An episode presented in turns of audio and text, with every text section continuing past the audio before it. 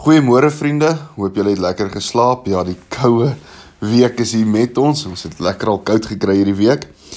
Maar die dae is tog lekker, nê. Nee. Nou, ons het 'n swembad by ons huis en dit is vir my een van daai dinge wat skoon moet wees. Ek hou daarvan as die swembad skoon is. Nou so in Desember, soos wat dit toe dit so baie gereën het en ons dalk vir 'n naweek nie by die huis was nie, Kom ons eendag by die huis en ek kry met hierdie sien met hierdie skok maar die swembad is groen. En dit het eintlik nog nooit met my gebeur nie. Ek gaan toe gaan koop dadelik die grootste kloorhouer in die winkel, daai wat so oop en toe maak en ek gaan sit dit in die water, maar die ding bly steeds groen.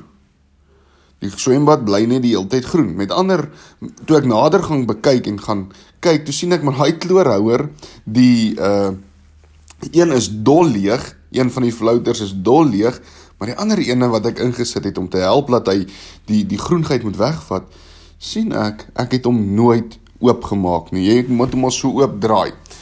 Nou, dit was amper so erg dat hy die water moes vervang, maar ek het hom gewen gekry. Ek is baie baie baie dankbaar daarvoor. Nou hierdie ervaring het my laat dink aan die rol van God se woord in ons lewens.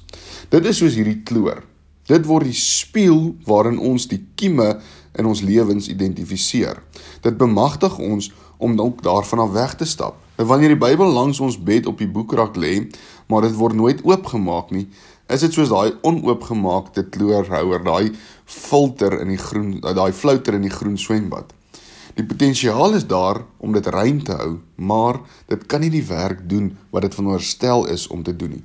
Nou in Psalm 139 vers 23 tot 24 vra die psalmdigter God om sy hart te deursoek om die kieme of die groen alge uit te wys sodat hy ontslaak kan raak daarvan. Hy ken die krag van die woord. In Hebreërs 4 vers 12 tot 13 lees ons: Die woord van God is lewend en kragtig. Dit is skerper as enige swaard met twee snykante en dring deur selfs tot die skeiding van die siel en die gees, van die gewrig en die murg. Dit beoordeel die bedoelings en die gedagtes van die hart. Daar is ook niks in die skepping wat vir God onsigbaar is nie.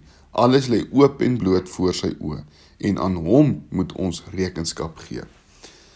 Dalk moet jy vanmôre vir jouself vra, hoe groen is jou swembad? Moet ons nie maar daai kloorhouer, daai kloorflouter oopmaak en dit in die water sit nie. Moet ons nie maar weer ons Bybels begin oopmaak en net lees en sien wat die Here vir ons wil sê nie.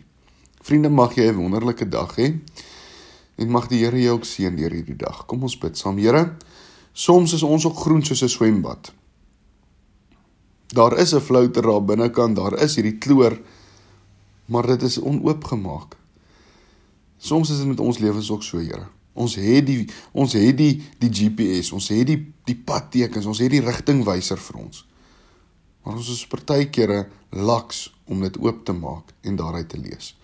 Maak dat ons weer die waarde van die woord sal raak sien o Heer. Dankie dat ons dit vir U kan vra o Vader. Amen. Mooi dag.